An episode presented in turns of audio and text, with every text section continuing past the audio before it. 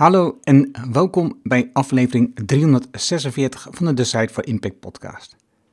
Waar je leert van ondernemers en ondernemende mensen die bijzondere resultaten bereiken, welke besluiten zich genomen om hier te komen, wat ze doen, de strategie en hoe de klant krijgen. Mijn naam is Erno Hanning en ik deel mijn opgedane kennis, ervaringen en expertise met jou. Ik coach ondernemers zodat ze besluiten nemen om in impact te groeien. Vandaag het gesprek met Martin van Diggelen. Martin is een gevoelige enthousiasteling en denker, vader en echtgenoot en naar eigen zeggen een iets wat stuntelende ondernemer.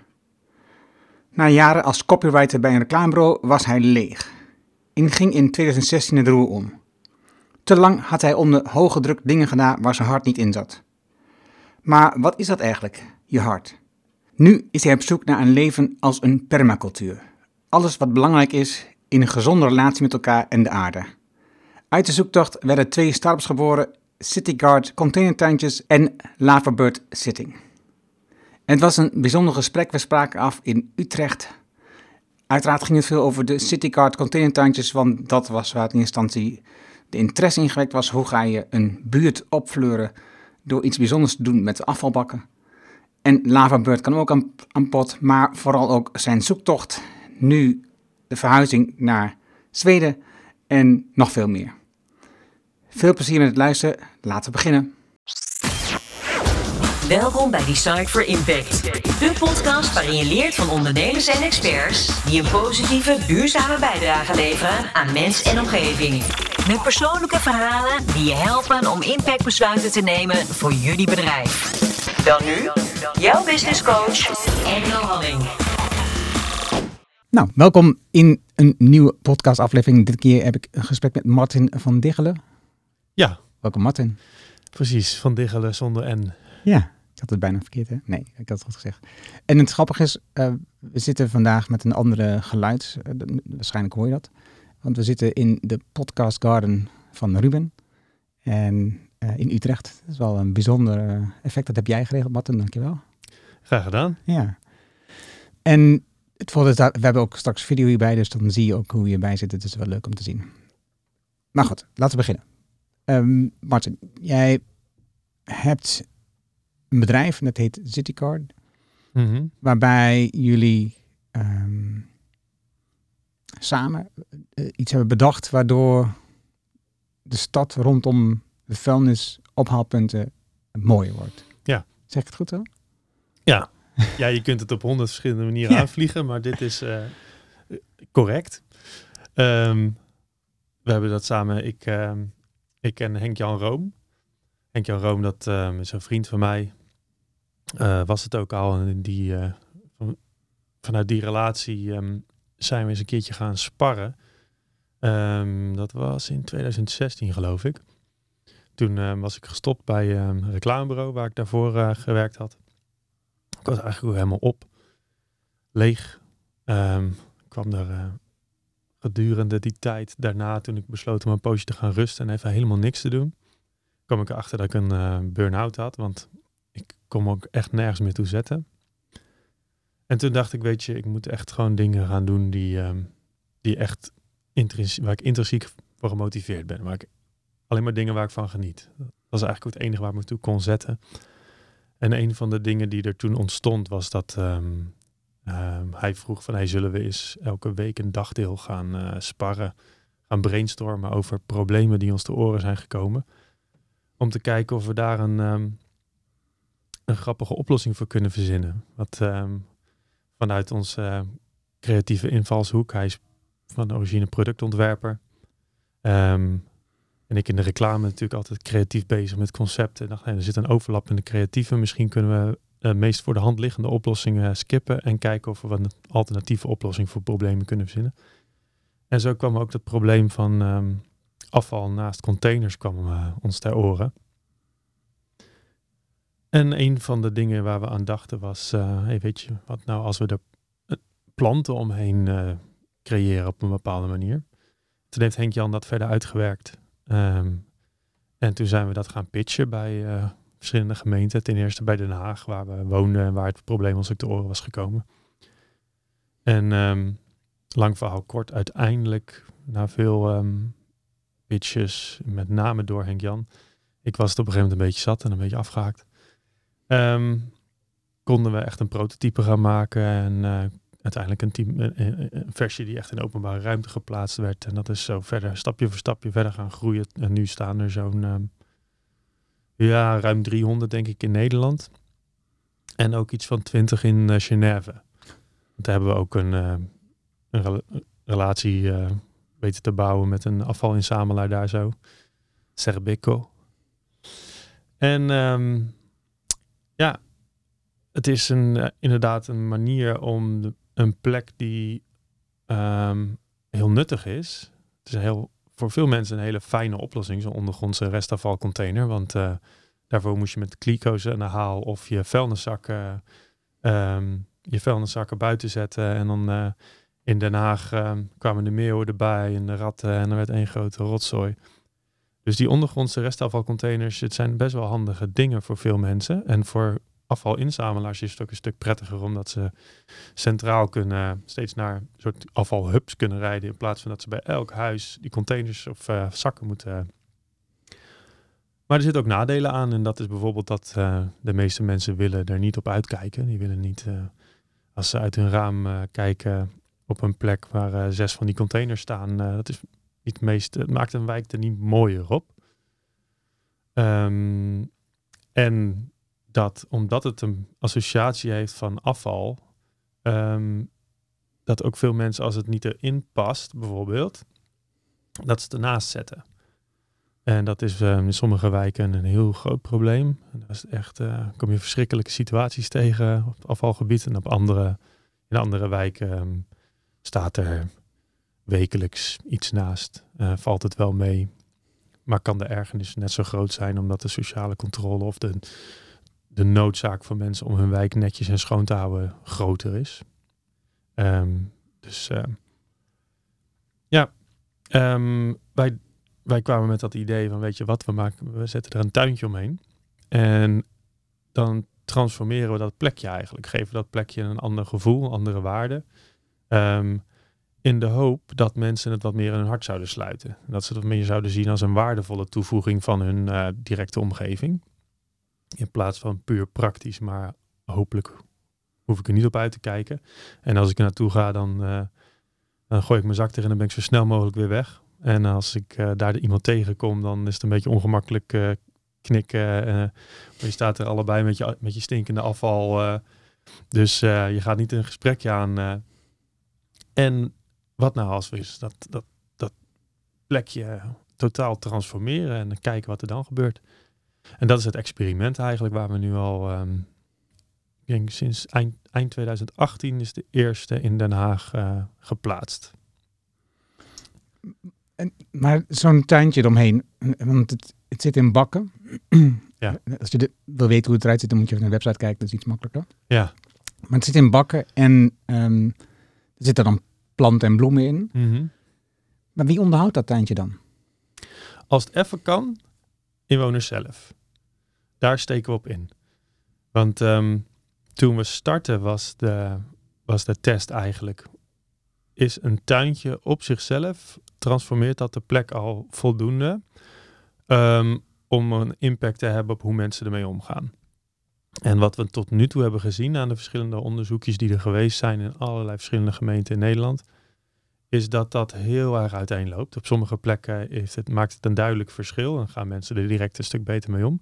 Maar ook op heel veel plekken um, heeft dat weinig effect. Um, dan is nog steeds het voordeel dat het afval vaak naast de traanplaat nu erbij geplaatst wordt. Uh, niet in het tuintje, maar naast de traanplaat. Een voordeel daarvan is dat als de vrachtwagen komt, dat die wel gewoon kan hijsen. Um, want uh, in het verleden was het dan vaak als, het, als dat troep op de traanplaat staat, dan kan die de boel niet uh, hijsen. En volgens mij is die niet, dat? Is niet deel van zijn takenpakket om daar allemaal vuil van die traanplaat af te gaan sjouwen. Dus dan rijdt hij gewoon door. Kan dat ding niet geleegd worden. Dus dat is sowieso wel een um, voordeel. Alleen wat we natuurlijk eigenlijk willen is dat die plek er uh, een stuk schoner blijft. En dat mensen um, liever het fijner vinden om daar te zijn.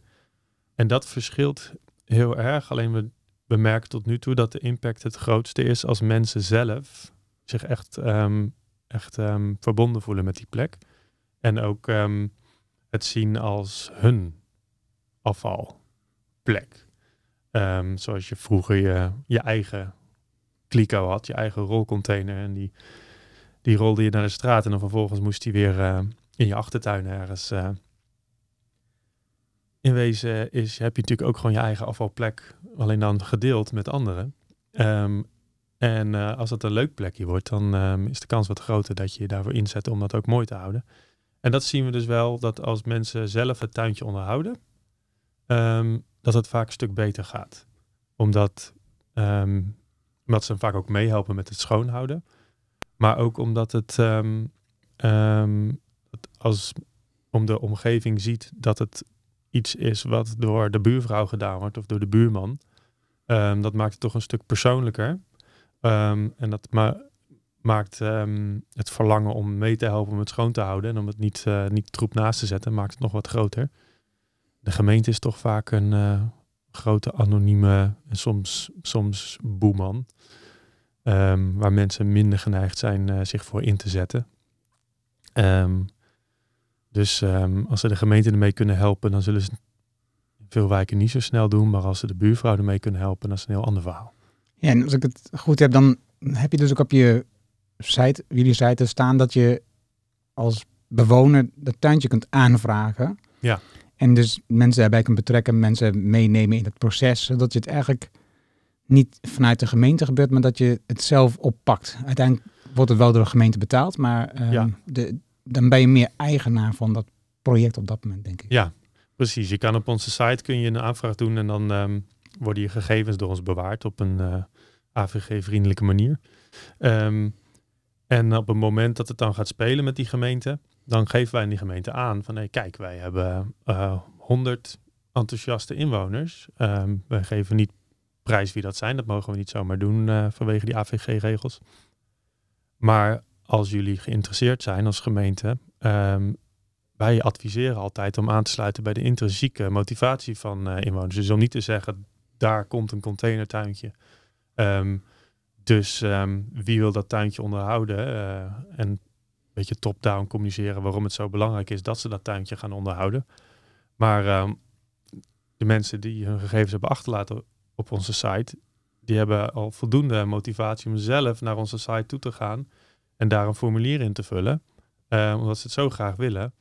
Ehm, ja, dat zijn ideale kandidaten om eh, bij aan te sluiten dan. Zeggen, oké, jullie willen het graag. Nou, prima, prima, dan reageren we daarop. Dat is voor ons nog wel een beetje zoeken, want we hebben nu uit mijn hoofd iets van 1500 à 2000 aanvragen nu. eh. Ehm, en mensen verwachten dan natuurlijk ook iets. Ja. Zeg, ja, ik wil een tuintje, dus regel het maar. Maar ja, dat gaat natuurlijk wel via de gemeente. Het is voor ons handig om die gegevens te hebben als het eh, gaat spelen. En we kunnen ook proactief wel naar de gemeente toestappen en zeggen: hé, hey, er is heel veel eh, animo vanuit jullie gemeente. Wisten jullie dat? Alleen we kunnen niet zomaar ehm, overal tuintjes neer gaan zetten op kosten van eh, inwoners bijvoorbeeld. Want ehm, de containers zijn vaak van gemeenten. Ehm, dus we mogen niet zomaar iets daar omheen zetten zonder dat de gemeente daarbij betrokken is en daar een go voor geeft.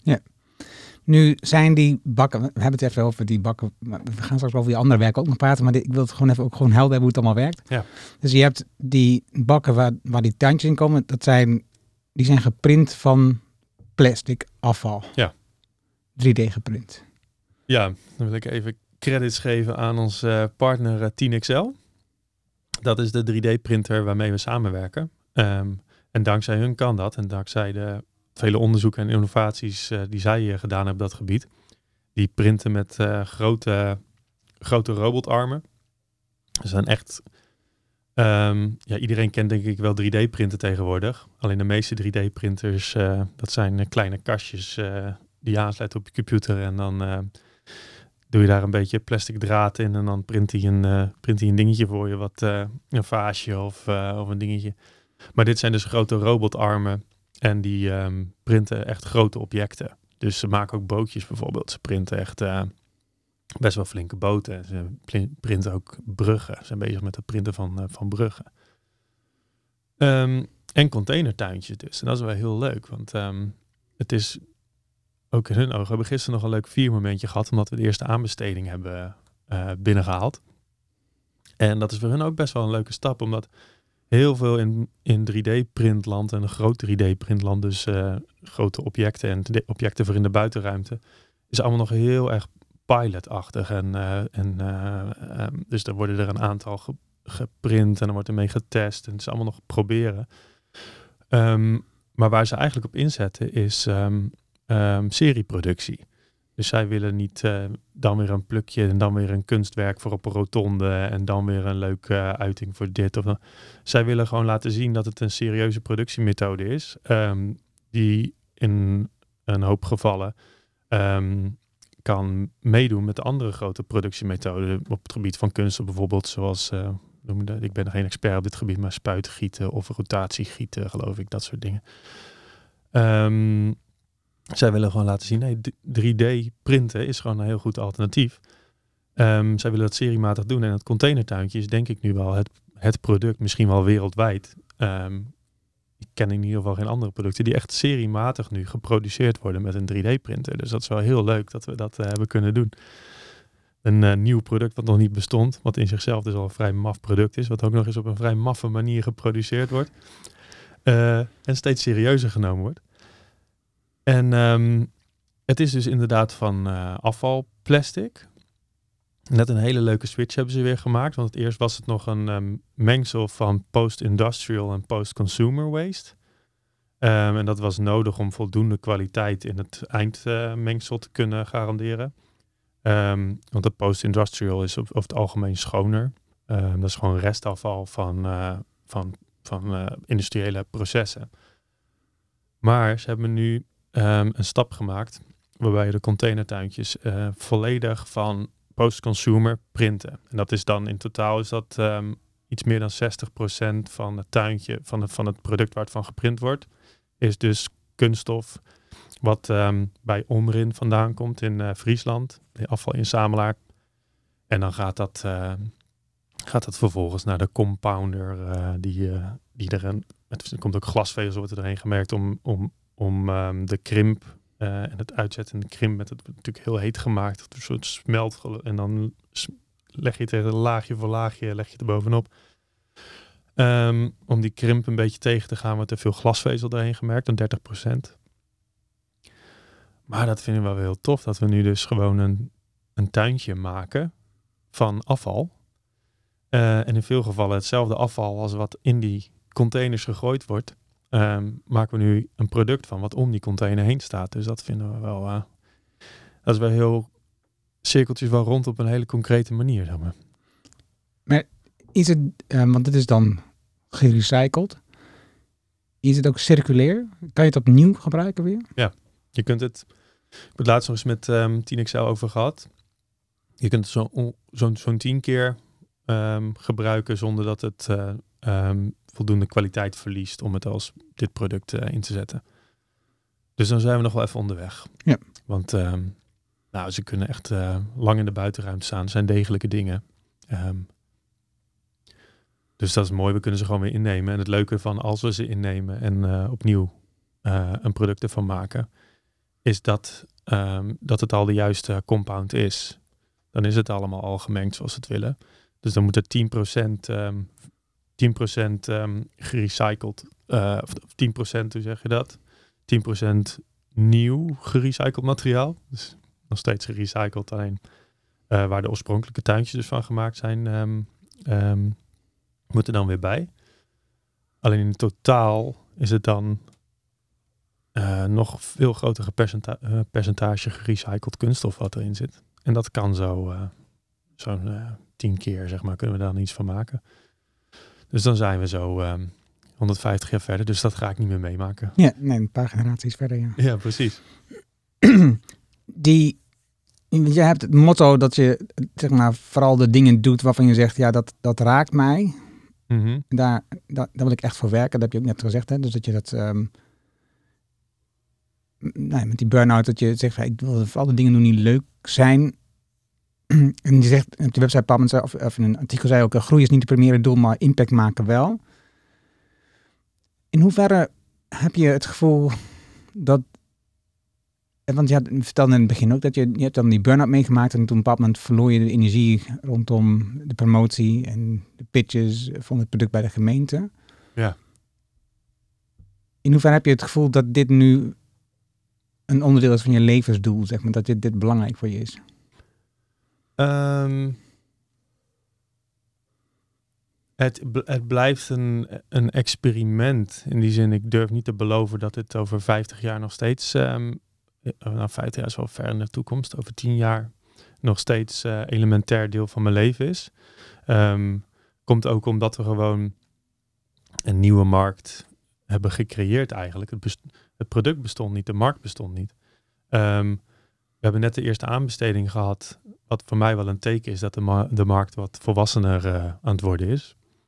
Um, maar we moeten er nog achter komen of het um, echt een product wordt wat uh, een lange adem uh, heeft, of dat het toch op den duur een, een pilotproduct blijft, blijkt te blijven. Ik denk het niet. Ik denk dat het dat het een serieus product gaat worden, wat gewoon uh, een standaard onderdeel van de openbare ruimte kan worden. Niet dat het op elke container zou komen te staan, maar uh, gewoon op plekken waar dat, waar dat geschikt is. Um, en voor mij. Um, de bepaalde elementen eraan komen heel dichtbij wat ik, waar ik enthousiast van word. Um, en hoop ook, uh, hoop ook niet bij wat er bij, bij, een bedrijf komt kijken, wat gewoon moet gebeuren. Um, dus er zijn dagelijks dingen die ik doe waar ik niet per se energie van krijg. Um, dus dat moet ik goed managen. Um, maar ik ben ontzettend bezig met de positie van de mens ten opzichte van eigenlijk zichzelf. De connectie die de mens heeft met zichzelf en met zijn, met zijn lichaam um, met elkaar, uh, dus je directe omgeving, je gezin en in hoeverre je daar werkelijk bij kunt zijn. Uh, werkelijk in het hier en nu kunt zijn en, uh, en, en in contact met je partner en je kinderen.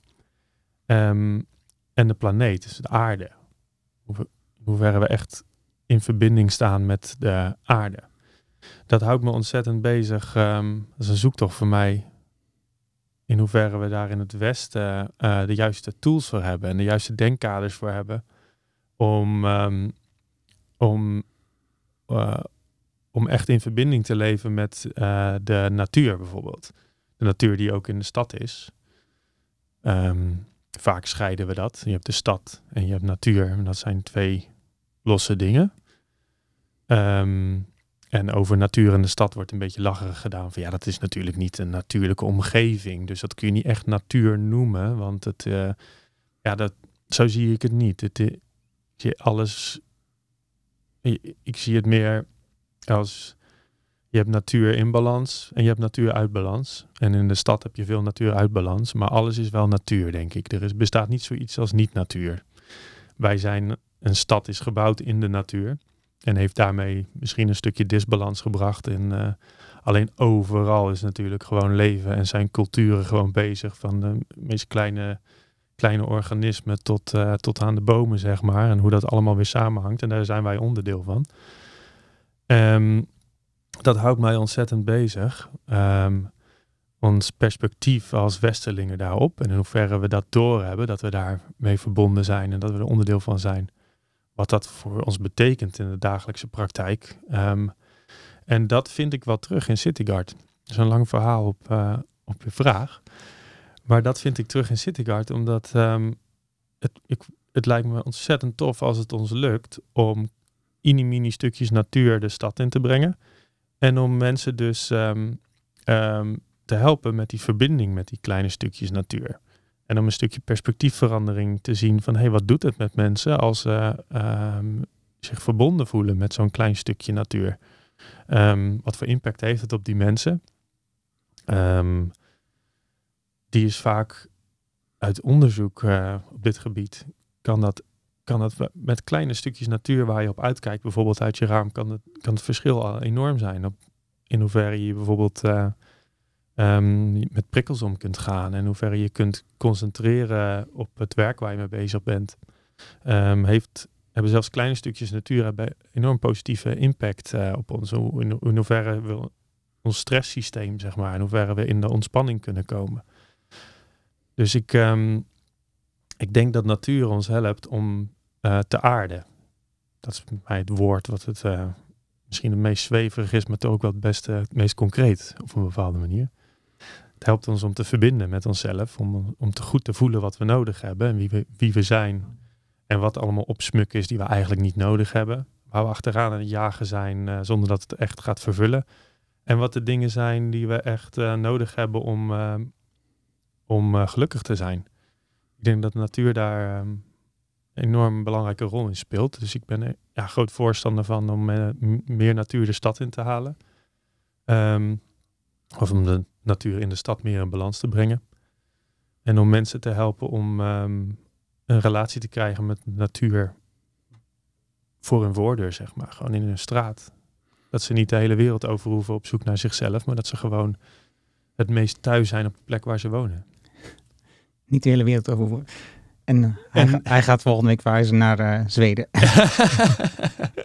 ja, ja. Omdat hij meer in de natuur wil zijn. Maar denk je dat mensen dit niet zelf zouden kunnen? Je, ben, je bent het nu aan het organiseren, mensen bij helpen. En waarom, waarom pakken mensen het niet zelf op? Um, geen idee. Dat, vind ik, dat is een hele grote vraag waar ik eigenlijk um, kan ik wel over hardop over nadenken. Um, ik heb bijvoorbeeld gisteren, omdat ik ga verhuizen. Ik had in mijn achtertuin, uh, ik, huur, ik heb een huurhuis in Scheveningen. Ik heb in de achtertuin heb ik de, uh, een poos geleden een heel groot deel van de tegels eruit gehaald. Um, en uh, gras erin gelegd. Nou, van dat gras was al snel niks meer over. Ik heb twee kleine kinderen en uh, die waren enthousiast over het gras. het gras was al snel niet meer. Uh, alleen ze hebben er heerlijk in zitten graven en zitten verroeten en zitten doen. En ik vind het heel leuk om te kijken hoe je dan van dode, dood zand eigenlijk hoe je daar dat kunt helpen om uh, langzaam maar zeker um, um, leven erin te krijgen. Alleen ik heb gisteren heb ik alle tegels weer teruggelegd. Want uh, ik had beloofd aan de, aan de verhuurder dat als ik weg zou gaan, dat ik het wel in dezelfde staat weer zou achterlaten. Um, dus daar zie je al dat het voor heel veel mensen, dat is natuurlijk, ik heb een, ken je de Instagram, uh, heet het volgens mij Twitter of Instagram, weet niet, onder, onderhoudsarmoede of zo. Dat is een super grappig account. Waarin um, hele mooie voorbeelden worden. Uh, fotootjes, voorbeelden van mensen die uh, hun tuin volledig bestraten. Oh ja, ja. Ja, ja, ja. ja. Het gaat om wel. Onder, onderhoudsarm is het dan. Ja. Want je hebt lekker weinig onderhoud aan. En dat account is volgens mij onderhoudsarmoede. Uh, met een enorme knipoog worden er allemaal foto's geplaatst. Uh, maar dus nog steeds doen heel veel mensen die die um, zien gewoon niet het nut in van uh, die natuur in hun directe omgeving. En dat begrijp ik ook heel goed. Het is ook gewoon, denk ik, lekker als je, als je gewoon uh, af en toe een bezem er doorheen moet halen en dat is het enige. Uh, mensen hebben wel genoeg aan hun hoofd, weet je wel. Maar dat is, dat is, dat hangt met zoveel dingen samen. Van onze, hoe we in het Westen naar dingen toekijken en hoe we graag dingen uh, segmenteren, zeg maar. Dus uh, dingen gewoon overzichtelijk willen hebben en, makkelijk kunnen controleren. En uh, dit stukje tijd allokeer ik daaraan, dit stukje tijd allokeer ik daaraan. En ze moeten elkaar absoluut niet aanraken en niet in elkaar overlopen, want dan wordt het een puinhoop en dan raakt de controle kwijt. Ja, zo gaan we vaak ook met onze tuin om. Dat zijn allemaal, allemaal, weet je wel, het moet zo gecontroleerd mogelijk. En als er groen in komt, dan het liefst wel groen wat ik makkelijk kan controleren en wat niet tuinbundig groeit en onkruid is onkruid. Onkruid is niet een plant. Hé, hey, wat is dat eigenlijk? Hé, hey, verrek, je kunt het eten. Dat wist ik helemaal niet. Uh, ik het laatste uh, muur geloof ik. Ik dacht, ik laat gewoon groeien en ik kijk wat er komt. En toen ging ik met mijn Google Lens uh, ging ik het determineren. En daar kwam uit dat het muursla was. En toen las ik dat je dat kon eten. Ik dacht, nee, grappig, ga ik eens proeven. Dus ik heb, ik heb het geproefd en het heeft een beetje rucola-achtig, alleen wat bitterder. Ja, ik weet niet of het gezond is om er hele struiken van weg te eten hoor. Maar, maar dat is, ja, dat is, uh, ik, hoe, waarom, waarom mensen helpen, kunnen ze dat zelf niet? Ja, wat, Ja. Ik, wat ik zelf pas heb geschreven over is eh, het verschil tussen geluk, of het gemak en eenvoud. Ja. We zoeken heel vaak gemak. Ja. Omdat dat snel is en gemakkelijk is. Ehm, terwijl als je teruggaat naar eenvoud, ehm, dat is vaak wat meer werk. Het vraagt meer energie van je. Mhm. Het is beter voor de omgeving, beter voor jezelf, beter voor de natuur. Dus Ja. uiteindelijk is het, is het beter voor je. En want een tuin vol met tekels betekent ehm, nou ja, gemak met de bezem. Het betekent Ja. ook dat het water wegstroomt. En dat je last krijgt van wateroverlast op het moment dat het hard regent, bijvoorbeeld. Of dat je... ja, een stuk warmer is in de zomer. Ja. Dat het veel meer warmte vasthoudt. En, Precies. eh, er zitten zoveel elementen in, wat, ja. waardoor je, als je over nadenkt, zeg maar, als je het eenvoudig zou maken, dat het, dat het veel beter voor je is dan dat je, als je het gemakkelijk maakt. ja, En gemak is ook over het algemeen ook beter voor een ander bedrijf. Die daar, eh, hè, want gemak is meestal iets wat je verkoopt. Dus dat, eh, dat heeft een dienst of een product. Ja. En Dus het is goed voor iemand dat je stuurt voor een beetje tegen comfort aan. Nu zei je net, even, even op terugkomen, je zei dat je de aanbesteding, aanbesteding gewonnen had. En aanbesteding betekent voor mij altijd dat het dus gaat over grotere bedragen, grotere... Ja. eh, want hoeveel, hoeveel mag je dan leveren straks, hoeveel eh, tuintjes? Eh, minimaal 50. Oké. We hopen dat we nog iets meer kunnen leveren, maar ehm, omdat we hebben wel echt een, een scherp eh, aanbod gedaan. Dus het zou best kunnen als we vanuit budget redeneren dat er dan wel meer ruimte is voor nog meer. En dat is voor ons wel de grootste tot nu toe. Want wat, wat tot nu toe de, het grootste aantal was wat we in één keer aan een eh, gemeente mochten leveren was eh 21. Ehm, dus dat zijn, eh, dat zijn leuke dingen, vind ik. Ja, dus dat is een aanzienlijke uitbreiding van bestaande aantal tuintjes. Wat Ja, hebt. als je denkt het totaal 300 en dan ineens... eh nou, ik ben niet zo snel rekenen, maar flink percentage. En maar wat voor bedrag gaat dat ongeveer gemoeid? Kun je dat zeggen? Ehm, dat heb ik niet paraat op dit moment. Normaliter, als ik even heel globaal een beetje schets hoe onze prijzen waren slash eh, zijn. We, ehm, we hadden ehm, eh, dat als je ze met kleine plukjes afnam, dan rekenen we ongeveer 2000 euro per containertuintje als we het afgevuld ehm, op locatie eh, plaatsten. Dus dat is dan inclusief eh, plaatsingskosten, transportkosten, afvullen ehm, en het eh, hele print, print natuurlijk. En het, maar ook het, het opmeten op locatie, omdat we ze allemaal op maat maken. Dus opmeten op locatie en een specifiek ontwerp maken op maat voor die locatie. Ehm, dus dan kwamen we ongeveer op dat bedrag uit. Maar naarmate we steeds meer eh, containers in Nederland eh, hebben, opgemeten ehm, en we steeds meer modellen eh, op de plank hebben liggen, ehm wordt het langzaam maar zeker komt het, komt het wat vaker voor dat we gewoon kunnen zeggen, oh, kunnen jullie dat model nog tien keer printen? Dat scheelt natuurlijk aanzienlijk in de overheadkosten die we erin hebben. Dus we merken dat we wel langzaam maar zeker kunnen wat scherpere prijzen bieden. Dus we hebben nu ook wel eens dat we ehm, bijvoorbeeld voor 1200 euro per tuintje of zo, dat we het hebben kunnen doen. En dat is ook wel weer afhankelijk van of ehm, wij het afvullen. Dat doen we dan vaak samen met eh, Braad. Braad, eh, hoe noemen ze die? Makers van Groenbeleving. Braad Makers van Groenbeleving. Uit Brabant. Ehm, die we kennen via het NL Green Label eh, netwerk. Ehm, zij doen het vaak voor ons, maar er zijn ook eh, gemeenten die zeggen, joh, wij vullen het zelf af, dus lever maar lege bakken. En ehm, bij grotere aantallen kunnen we dan al onder de 1000 euro per, eh, per bak zakken. Ehm, en dat willen we ook wel graag, mede omdat we wel meegaan in die kijk van 10XL, dat we graag serieproducties eh, willen draaien. Dat we willen laten zien dat we wel concurrerende prijzen kunnen bieden ten opzichte van de grote massaproductie ehm, methode. Zelfs als het allemaal redelijk op maat gemaakt wordt. Want heb je, er zi- zijn nu voor jullie geen concurrent op dat gebied. Ehm, er is een partij uit Nijmegen. Hm. Ehm, die zijn ongeveer tegelijkertijd met ons zijn ze op een vergelijkbaar idee gekomen. Alleen zij maakten ehm, kunstgrasmatjes.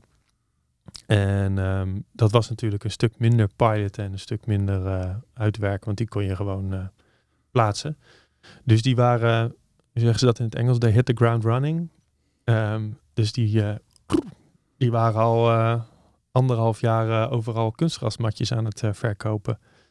Um, toen wij nog met pilot bezig waren en met de eerste in de, in de openbare ruimte bij ons was natuurlijk meer, meer dingen om je zorgen over te maken. Hoe is, is het wel veilig om zo'n bak erop te zetten? Hoe zit dat? Kan dat eraf vallen als het in de lucht hangt? Want het gaat met het container en al gaat het de lucht in dat tuintje. En al die zorgen heb je niet als je een kunstgras uh, matje erop uh, plaatst. Dus die hebben heel veel kunstgras uh, matjes verkocht in Nederland. Maar op den duur um, werden daar de nadelen steeds duidelijker van. Um, en groeide de vraag naar een oplossing die meer lijkt op de onze. Dus, um, een meer duurzame oplossing. Ja, dus toen zijn ze ook eerst alleen lage met sedum afgevulde uh, producten gaan uh, verkopen. En toen kwamen ze uh, eigenlijk in ons vaarwater, want dat deden wij. Wij hadden ook, dat noemen we low maintenance tuintjes, dus het lage tuintjes met sedum erin. En toen op een gegeven moment zijn ze ook hoge tuintjes gaan verkopen. Dus um, we hebben, wat dat betreft hebben we wel concurrentie um, in partijen. Alleen die, die vliegen het wel weer vanuit een totaal andere, die zitten veel meer op gedragsverandering. Um, dus de hele um, biodiversiteit en mensen verbinden met de natuur en vergroening van de stad. Dat zijn natuurlijk wel thema's die ze noemen dat ze belangrijk vinden, maar dat is niet waar hun visie, hun bedrijfsvisie. Ze hebben naast wat ze doen, naast dit product hebben ze nog allemaal totaal uiteenlopende andere uh, producten en interventies die erop gericht zijn om mensen te nudgen, zou je kunnen zeggen. Dus mensen uh, stimuleren om uit hun onbewuste gedragspatronen te komen en, um, en um, het gewenste gedrag te gaan vertonen. Um, dus dat was voor ons, uh, hebben we het wel even moeilijk mee gehad. We, we, begonnen best wel vanuit een samenwerking. Dacht, nou, we bijten elkaar niet. Als gemeente echt een hele, een hele simpele, onderhoudsvriendelijke oplossing willen. Nou, laat ze dan vooral een kunstgrasmatje proberen. Um, en als ze uh, iets willen wat meer onderhoud vraagt en waar we inwoners bij uh, willen betrekken, nou, verwijzen dan maar ons naar, naar, ons door. En op den duur kwamen ze met concurrerende producten en moesten we wel eventjes om tafel om dat een beetje uit te praten, want we waren wel een beetje boos eigenlijk. Dat ze, maar goed, nu, nu gaat dat prima. En het is ook natuurlijk ook, het hoort ook wel bij een serieuze markt dat er, ja. dat er ook meerdere aanbieders zijn. Ja. Als je kijkt naar je tijdsverdeling, want je hebt, um, dit is één van die bedrijven die je hebt. Ja. Hoeveel procent van je tijd gemiddeld besteed je hier aan? Vier dagen. Oké, okay, is intensief. Ja, hier gaat eigenlijk bijna al mijn tijd gaat hier naartoe. Alleen dat zeg ik met een slag om de arm. Um, mede vanwege um, corona en het thuiswerken. Um, en de, als ik een stukje uh, in onze privé situatie laten kijken. Twee kleine kinderen. Um, dat, het is een ongekend intense tijd voor ons geweest de afgelopen jaren. Um, waarbij we het ook geprobeerd hebben heel veel samen te doen, uh, mijn vrouw en ik. Um, dus dan was ik thuis aan het werk. Maar dat betekende niet per se dat ik dan, uh, als, je, als je puur kijkt naar, naar FTE's, en sta, stak ik er ook echt elke week vier volle dagen in. No way. Het was een gatenkaas. Het was, uh, het was een chaos. En dan renden de kinderen weer naar binnen. En dan, uh, of mijn vrouw zat er helemaal doorheen en zei, joh, of, um, of ik, ik, ik, ik had een dag met de kinderen. Of um, het, was, um, het was een beetje behelpen en overleven wat dat betreft. En, en dat is ook wel ergens, wil ik daar ook niet voor wegrennen, want wat mij betreft is het meest fundamentele in ons leven is de relatie die we hebben met onszelf, met mijn partner en ik onderling en uh, wat we onze kinderen bieden aan uh, emotionele cultuur om fijn in op te kunnen groeien. Dus dan moet het bedrijf uh, op de tweede plek. De bedrijven. Dus dat was een beetje behelpen eigenlijk als ik, als ik heel eerlijk ben waar zaten de goede dagen tussen, maar ook heel veel slechte dagen als je kijkt naar hoe productief ik was. Dat is ook wel een van de redenen waarom ik uh, waarom we de keuze hebben gemaakt om het eens te gaan proberen in Zweden, in het bos. Een klein huisje in het bos wonen. In de hoop dat de rust, uh, reinheid en regelmaat uh, ons goed gaat doen. iets minder chaotisch, iets minder overprikkeld in, in, de grote stad. Um, grotere tuin, waardoor de kinderen veel makkelijker hun energie kwijt kunnen dan in die mini achtertuintje wat we in Scheveningen hadden.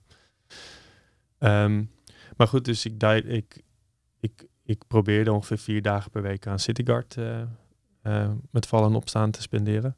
En dan heb ik daarnaast inderdaad, is uit die, die tijd die ik had nadat ik uh, helemaal leeg was van dat werk bij het reclamebureau. Ja. Wacht even, daar ga ik even over in. Dus je... Pak even wat water. Ja, dus jij zat... Um, je hebt in, in, in um, Afrika uh, een jaar lang gezeten voor de studie. Mm -hmm. Een soort gap year, maar dan studerend. Um, en dan ga je aan de slag bij een, een reclamebureau. Ja. En ontdek je tekstschrijven. Ja. Copywriting. Ja. Um, wat maakt het dat het voor jou op dat moment uiteindelijk leidt door een, tot een situatie waar je niet meer gelukkig bent en um, uiteindelijk zelfs voelt dat het een burn-out is. Ja, dat is me terugwerken, terug, terugkijkend en met het inzicht wat ik over mezelf heb gekregen, was ik dat gewoon zelf. Zat ik gewoon mezelf in de weg. Um, had ik gewoon niet de tools om op een gezonde, volwassen manier mijn eigen grens aan te geven. Uh, om emotioneel te communiceren wat, wat, uh, wat er gebeurde om mij heen, wat dat met mij deed. Ik zat ontzettend in mijn hoofd. Dus ik benaderde alles cognitief. Dus als iemand emotioneel mijn grenzen overging, um, dan, was ik, dan voelde ik dat nauwelijks. En dan probeerde ik helemaal rationeel uit te gaan denken wat er incorrect was aan de situatie die er gebeurde. En dan probeerde ik ze daarin te overtuigen en mee te nemen met een, met een, met een, uh, met ontzettend veel argumenten en perspectieven en dingen. Het kostte ontzettend veel tijd en energie en dat was er allemaal niet. Er was geen tijd en was geen energie. Dus heel vaak lukte dat ook gewoon niet. En zat ik, zat ik bijvoorbeeld een. Um, ik, wat, ik werd ingepland. Ik had een traffic planning en er werden allemaal uh, klussen werden daar ingezet door de uh, account managers. En um, dan ging er bijvoorbeeld emotioneel op emotioneel niveau iets, iets mis. Dat ik, um, dat ik een onhandige opmerking maakte tegen iemand uh, in de heat of the moment of andersom. Dat ik het gevoel dat, dat ik niet gezien werd. Um, maar ondertussen had ik bijvoorbeeld nog een half uur om dat ene ding uh, af te maken, die tekst die in die folder moet. Um, want over een half uur uh, gaan we samen zitten om, een brain, om te brainstormen. En daarna is er weer een, uh, is er weer een half uur hiervoor ingepland. En dan zat ik onder hoge druk, zat ik zeg maar, oh, ik heb nog een half uur en ik heb nog niks. Ik heb nog niks. Kijk, wat moet ik nou? en dan kwam ik in een soort shell shock, kwam ik terecht dat om mij heen de bommen ontploften en ik zat bevroren naar mijn scherm te scharen, stem te scharen scherm te staren. Um, en uh, dus dan liep ik uit.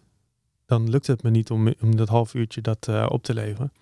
En dan stond ondertussen de accountmanager van dat 1,5 uurtje, dat stond al bij mijn bureau van, hey um, Martin, ja, ik, ik, heb wel de klant beloofd dat hij het nu gaat krijgen, want hij heeft zometeen een meeting. Um, en wat kun je doen? En, en en ondertussen komt de andere accountmanager. Hey Mart, je moet wel echt bezig met, uh, met dit nu. Want uh, ja, uh, ik chargeer wel een beetje, ik versimpel het een beetje. Maar dat, ik, dat trok ik helemaal niet. Ik had helemaal niet de tools om... Want het is natuurlijk een stuk makkelijker om als iemand over je grens heen gaat...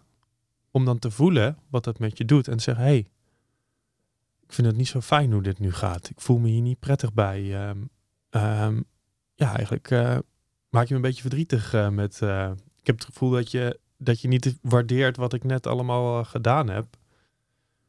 Dat is een stuk simpeler en korter en duidelijker. Gewoon vanuit jezelf praten en aangeven wat je nodig hebt of wat je.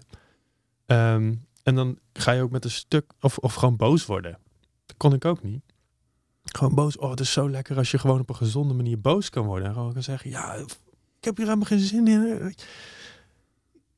dat is, dan, dan neem je al die, een, die spanning, die neem je niet met je mee weer het volgende ding in. Maar die geef je ook een uitlaatklep. En dan, en dan, en dan kom je tot een bepaalde, hopelijk tot een bepaalde, ehm, kom je weer dichter bij elkaar. Maar dat kon ik allemaal niet. Dus ik, dra ik droeg al die spanning met me mee en ik probeerde iedereen tevreden te houden. En ik deed ontzettend mijn best om, eh, om de beste copywriter ooit uh, te zijn. Uh, en met de, met de meest baanbrekende ideeën en concepten te komen. En ondertussen voelde ik me niet gezien en niet gewaardeerd. En maar had ik niet door van mezelf. Was te weinig in contact met mezelf. Omdat, dus ja, dat was een, een, een recipe for disaster. En als je dat zo zegt, dan denk ik dat je nu nog steeds een recipe voor disaster hebt. Ehm, want je hebt dus een gezin, twee kleine kinderen. Je gaat nu naar Zweden, prima. Maar dan heb je dus te maken met afstand, met allerlei projecten die je in Nederland doet. Mhm. Je hebt jouw tuinbedrijf, laat me even zo zeggen. Ehm, je hebt de stit van Navelbird. Mhm. En dan heb je nog ehm, jouw eigen stories voor, met klanten. Ja, dat doe ik niet meer. Oké, dat doe je niet. Oké, oké, oké. Nee, Round Stories, dat heb ik ehm, eigenlijk. Dat, dat was, daar begon ik mee toen ik stopte bij het reclamebureau om een beetje geld op de plank te krijgen. En daaruit zijn eigenlijk um, CityGuard en Lavenbeurt geboren. En ik heb ongeveer anderhalf jaar geleden of zo heb ik gezegd van oké, ik stop nu met het aannemen van klussen voor Round Stories. ik wil me echt nu focussen op CityGuard en Lavenbeurt. En ik heb daarna denk ik twee keer nog ja gezegd tegen een klus, uh, omdat ik het te leuk vond om nee te zeggen. Maar uh, nee, daar ben ik echt mee gestopt. En Lavabird, hoe, hoe, hoe loopt dat? Hoe gaat dat? Um, Lavabird um, um, is dus een e-commerce platform, zou je kunnen zeggen, om uh, ons product, uh, dat is de STIT, dus een, een balanskruk, ergonomische kruk, aan de man te brengen. Dus je kunt daar online kun je dat product je inlezen, bekijken en kopen. En dat was vooral heel veel werk om dat platform in te richten en, uh, en, na te denken hoe willen we, hoe, willen we eigenlijk onszelf in de markt zetten? Wat is onze kijk? Wat wensen we mensen eigenlijk toe? Wat verlangen wij de wereld te geven? Um, en toen die website eenmaal online was, um, toen was het gros van dat werk was wel geweest. En toen, um, toen dat, dat druppelt nu sinds die online is, zeg maar, uh, weten mensen het wel te vinden. En uh, verkopen we elke maand, verkopen we, uh, denk ik, wat zal het nu zijn? 14 krukken of zo, zoiets. Um, maar ook mede door, door COVID, zij, de mensen waarmee ik dat samen doe, die zitten echt in de kantoorwereld. Um, kantoormeubilair. En die moesten enorm schakelen toen COVID kwam en iedereen thuis ging werken.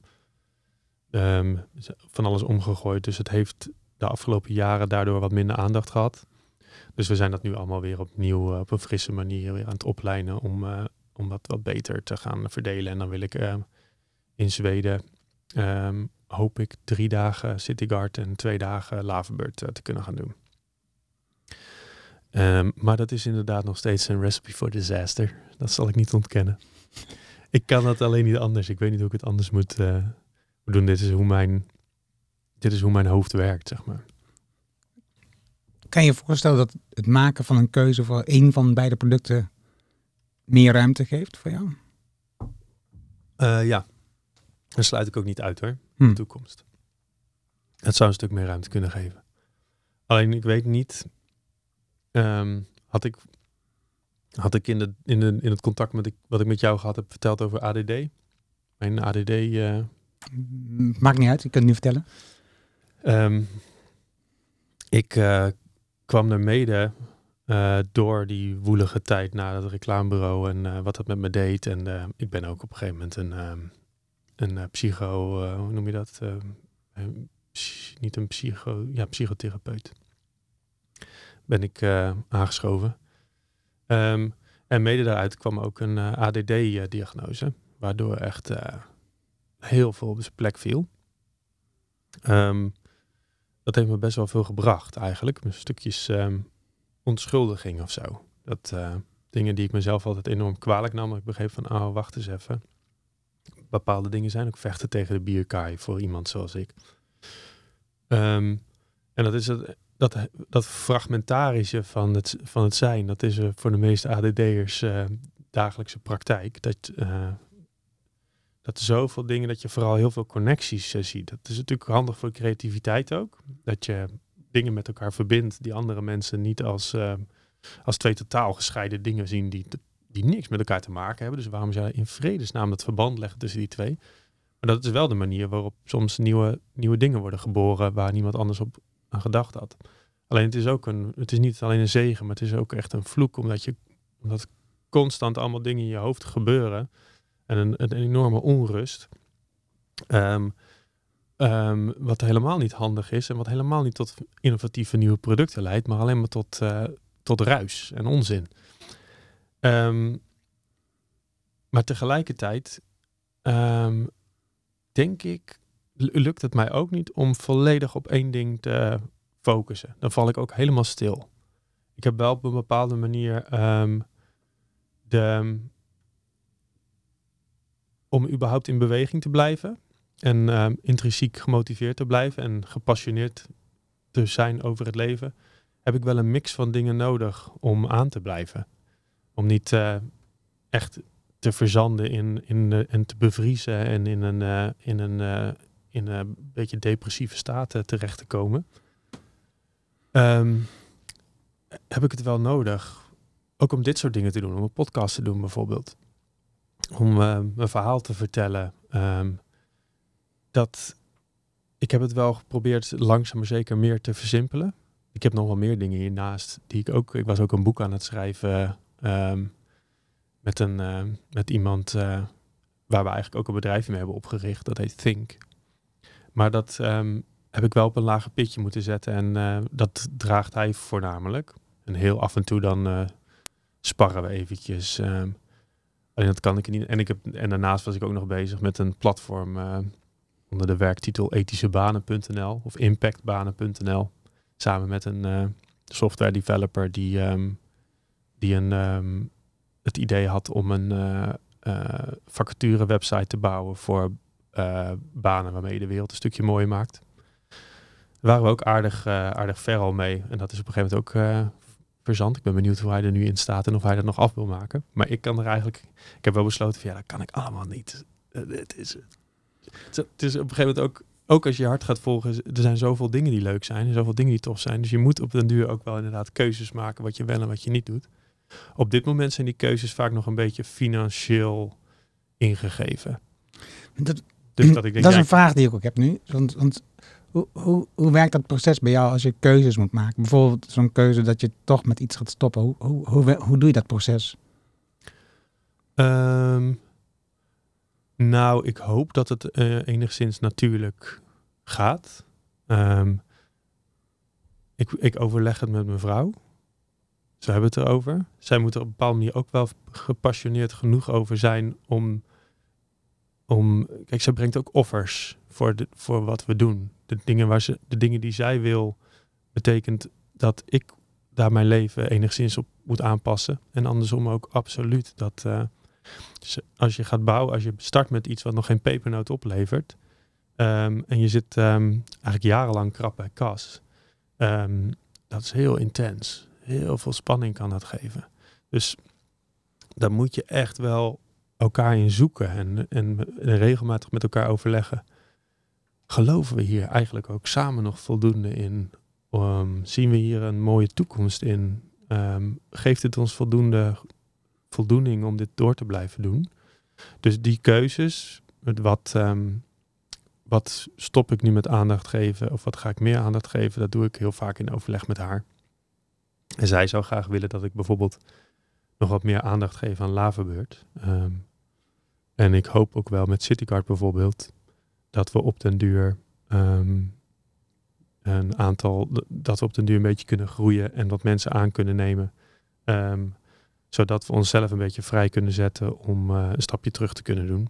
Henk-Jan heeft daar op den duur denk ik ook wel behoefte aan om uh, zijn, zijn passie is toch ook nog steeds wel gewoon um, uh, ideeën. Creatief. Dat is de, de, de vloek van de creatieveling, denk ik. Ja, dat de vraag die, me had, die ik ook had was van, bij meer nou uitvinden of meer ondernemer? Ja. Ehm, ja, ik zie mezelf inderdaad niet per se als een ondernemer. Ehm, en dat heeft ook wel gewoon. Te, er zijn zoveel. Als je eh, zoveel dingen in je leven. Je bent eigenlijk gewoon. Iedereen is denk ik gewoon mens. Hm. En je doet iets. Je hebt bepaalde rollen die je aanneemt om iets een stapje verder te brengen. En een daarvan is dan ondernemer. En sommige mensen vereenzelvigen zich daarmee. Die zeggen, ik ben ondernemer. Als ik iets ben, dan ben ik ondernemer. Ehm, dat was bijna een quote van, uh, weet hij, als ik iets ben, dan ben ik Hagenaar, geloof ik. Schrijver. Maar uh, uh, dat heb ik niet, dat ik, dat ik denk, ik, dat, is, dat is mijn identiteit of zo, dat ondernemen. Dat is gewoon iets wat ik doe. Maar niet per se iets waar ik nou um, enorm goed in ben of zo. Ik ben enorm goed in, in onze eigenzinnige manier van het doen. En dat doet niemand ons na, denk ik. Um, maar er zijn waarschijnlijk uh, legio mensen die veel sneller en veel, een veel financieel succesvollere onderneming uit de grond hadden kunnen stampen. Is, dat een belangrijke voorwaarde voor jou als je kijkt naar definitie ondernemer? Het is vooral een onzekerheid van mij. Dat ik, um, dat ik, dat komt heel erg, geld is, maakt dingen heel meetbaar. Maakt succes heel meetbaar. Dat is de definitie van succes natuurlijk. Ja, vaak, vaak wel. Bij veel mensen is het toch, als je, als je, of als je heel bekend bent, of als je heel veel verdient, dan ben je succesvol. En het liefst natuurlijk een combinatie van die twee. Um, en het, uh, ik ben ook gewoon daar vatbaar voor. Voor, die on, voor zowel die, de, de rat race die daaruit voort kan komen, als de onzekerheden die eruit voort kan kunnen komen. Omdat het ook fijn is als je je erachter kunt verschuilen. Als je kunt uh, kijken, als, je, als iemand ons idee ridiculiseert of zegt, joh, dat is toch geen, daar kun je toch geen serieus bedrijf op bouwen. Je moet eens kijken naar mijn bedrijf. Ik heb, dit, is, een echte scale-up en we kunnen het makkelijk opschalen. We meerdere landen. En we, we, joh, in ons eerste jaar draaiden we een ton en in ons tweede jaar konden we het verviervoudigen naar vier ton. En dat drukt allemaal knopjes bij mij in. Um, en dan wil ik enorm in de anti uh, gaan en dan wil ik eigenlijk heel denigerende opmerkingen gaan maken. Wat, wat, doe jij dan? Je maakt de wereld helemaal niet mooier. En, maar het is gewoon onzekerheid. Uh, het is, je, kunt je, je kunt je gewoon verschuilen, verschuilen achter, die, achter die cijfers. Maar wat er werkelijk toe doet, weet ik ook wel, is dat je gewoon dat je, dat je doet wat, wat, je, wat je voelt van hé, hey, maar dit, dit is wat eruit moet, zeg maar. Dit is wat in me zit, dit is wat ik de wereld te brengen heb. Ik ben mezelf. Uh, en, uh, en daarmee maak ik de wereld een stukje mooier dat is denk ik succes. Alleen dat voelt niet als succes. Ik, ik, ik, ik hoor je helemaal. En, en ik, ik zie het ook als verschil tussen welvaart en welzijn. He, dus uh, wat jij beschrijft, die ondernemer die zoekt welvaart. En jij zoekt meer welzijn. Ja. En je hebt dan dat iets wat uit je komt, maar ik denk dat net zo belangrijk is, is iets wat je ziet wat er verandert in de wereld door wat jullie doen. Dus bijvoorbeeld met de Citycard, dan zie je dat de omgeving mooier wordt, maar ook er meer connecties staan in de uh, verbinding ontstaan in de buurt, wat een belangrijk element is voor het geluk van mensen, is de verbinding met andere mensen. Ja. En, en hetzelfde geldt natuurlijk een beetje voor de stit. Uh, mensen kunnen in ieder geval beter zitten. Ja, en meer verbinding met hun lichaam eigenlijk. Ja. Beter voelen wat ze nodig hebben in het moment, omdat ze meer in contact staan met hun lichaam. Ja, precies. Ja, dus, dus er zitten heel veel elementen in waarvan ik dus denk, oké, okay, het gaat aan de ene kant natuurlijk over wat uit mij moet. Maar ik denk nog belangrijk is dat je ziet wat er gebeurt met je product, wat mensen ermee doen, wat het effect is voor de mensheid en de planeet. Mm. Dat geeft uiteindelijk echt voldoening. Ja, precies. Maar het zal altijd die overlap zijn tussen die twee dingen. Mm -hmm. Want als wij zien dat ons product bijvoorbeeld enorm goed werkt om de omgeving schoon te houden, uh, en dat is alleen waar het voor wordt ingezet, dan is dat niet per se waar ik het meest enthousiast van word. Want ik denk, ja, een, een schone buurt is wel belangrijk. Um, maar niet, het, niet hetgene waar ik nou hard van ga, maar mijn hart sneller van gaat kloppen. Het is vooral die verbinding en de verbinding met de natuur. En eh, dat mensen zich meer thuis voelen in hun, eh, op de plek waar ze wonen en, en meer, meer relaties ontstaan en zo. Daar geloof ik echt in. En schoon is daar een symptoom van. Hmm. Een van de gevolgen. Dus het is, het zou kunnen dat ons product voornamelijk eh, blijft lopen vanwege dat schoon aspect, zeg maar. Maar als daar alleen maar de focus op ligt en, en niemand wil iets horen van die andere aspecten, dan raak ik toch minder gemotiveerd. Maar daar heb je toch controle over? Want Ja, precies. Maar ik, je hebt die overlap en je, je, zoekt naar waar, waar gaan mensen op aan. Ehm, maar jij En- schrijft de verhalen. ja, precies. Dus ik stuur het ook. Ja, dat klopt. precies. En, en, en zie je ook dat je nu naar Zweden gaat, dat je daar ook City Guard gaat promoten? Dat is het plan. Eerst even daar naartoe en dan eh settelen. Ehm, en, eh, ik heb een klein eh, schuurtje in de tuin staan.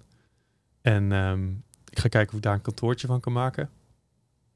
Eh, dus dat heeft ook wat eh, werk, wat aandacht nodig om daar een prettige, prettige werkplek van te maken. Ehm, en dan gaan we, eh, gaan we daar eerst eventjes zorgen. Dat dan heb ik, dan heb ik natuurlijk ongeveer zes weken lang weinig gedaan aan CityGuard en Lavenbeurt. Dus een beetje orde op zaken stellen en, en gaan ervaren of, het, of de theorie dat ik prima van daaruit kan werken, of dat in de praktijk ook blijkt te werken. Dus eerst maar eens blijven doen wat ik nu al doe. Maar dan ga ik op den duur ook ehm, om tafel met de gemeente Rotenburg en eens kijken, hey, ehm, ehm, waar staan jullie ondergrondse restafvalcontainers? Want voor zover ik begrepen heb, zijn die daar eh, gelukkig wel. Nog een beetje in opkomst. En moet je nou eens kijken wat ik heb en eh, kijken of we een beetje subsidie kunnen krijgen voor, voor uitbreiden naar het buitenland. Eh, bijvoorbeeld voor een, eh, een demonstratieproject, dat we daar ehm, als een demonstratieproject eh, een aantal containertuintjes neerzetten voor een jaar lang om daar mensen mee naartoe te nemen en uit te leggen hoe het werkt. En dus dan gaan we gewoon kijken inderdaad. En hetzelfde geldt voor eh, Lavabeurt, voor de STIT. Ja. Ik ga zeker kijken, connecties leggen en op zoek naar eh, of daar een voldoende markt is en of we daar een lavabeurt.se eh de lucht in kunnen krijgen.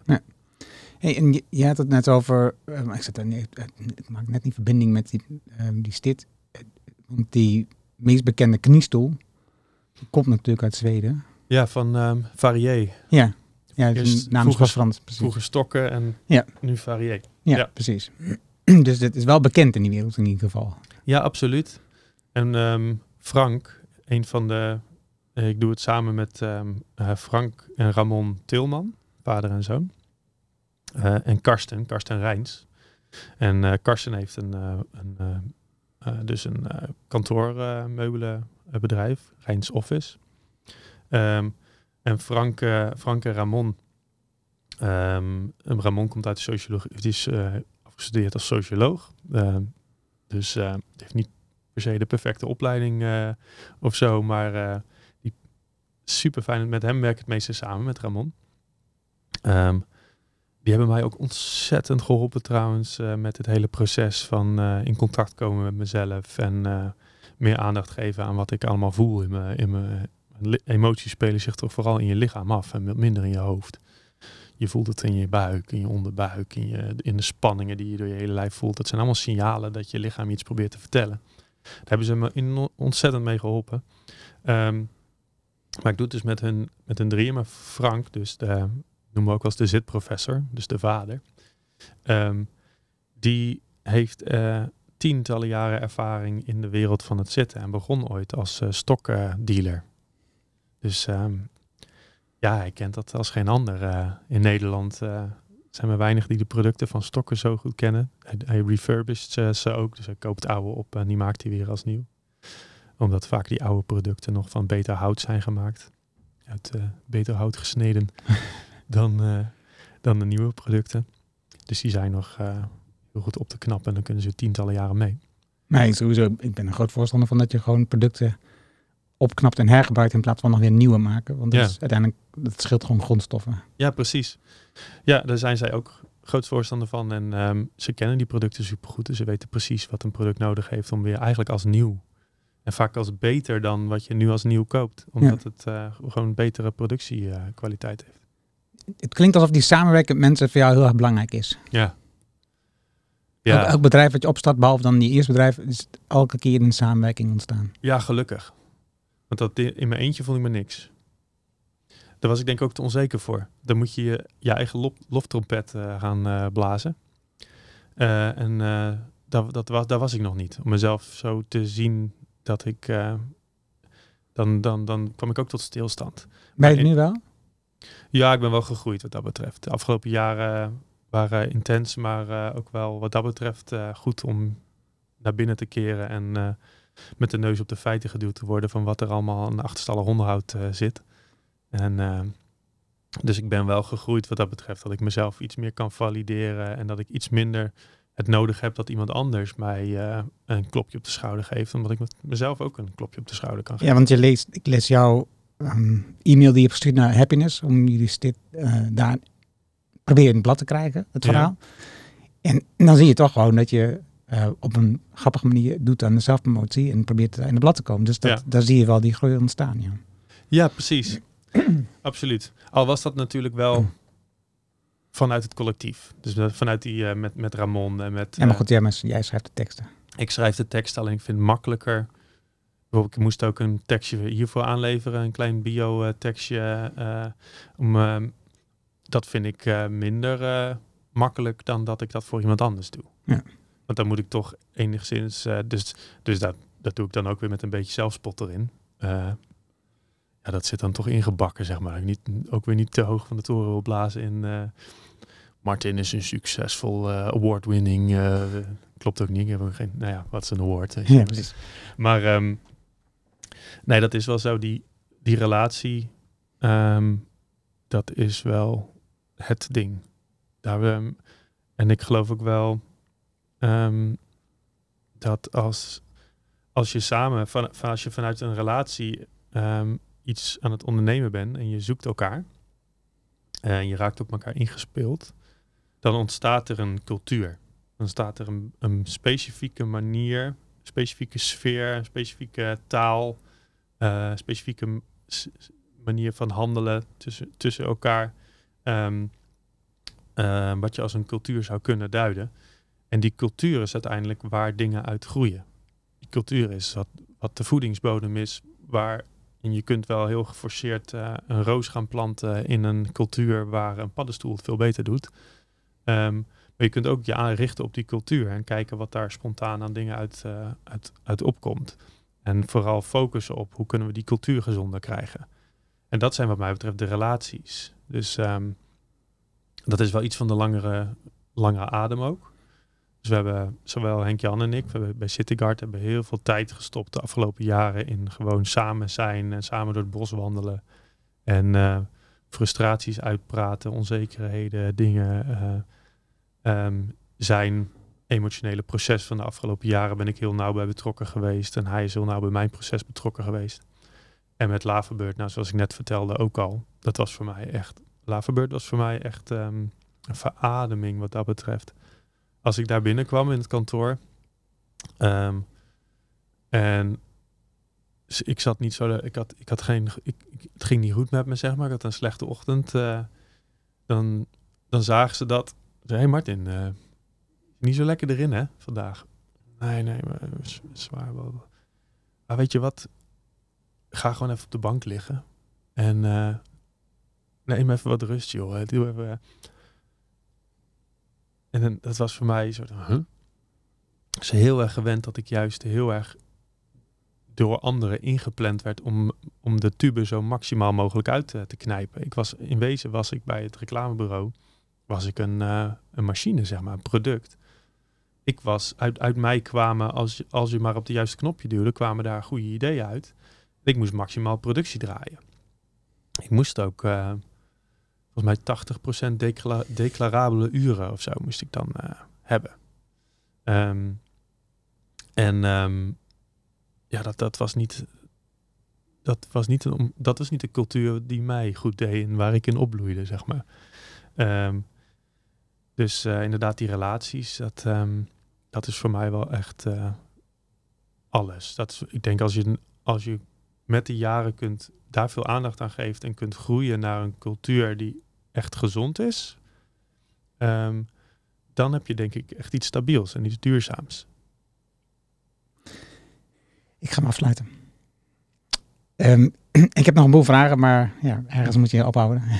Dit lijkt me een goed moment, omdat uh, cultuur en de verbinding uh, met mensen onderling uh, voor mij ook altijd een belangrijke rol speelt. vanuit de Rijnlandse gedachtegoed. Ehm, verbinding is een, een van de drie elementen die erin zit. Hmm. En ja, ik denk dat, dat, ik denk dat het heel belangrijk is, omdat werk een groot deel van je leven is. En als je daar dan met de juiste mensen bent en vertrouwen hebt van die mensen, en vertrouwen krijgt van die mensen, um, en dan je vakmanschap in dat zijn drie elementen. Ja.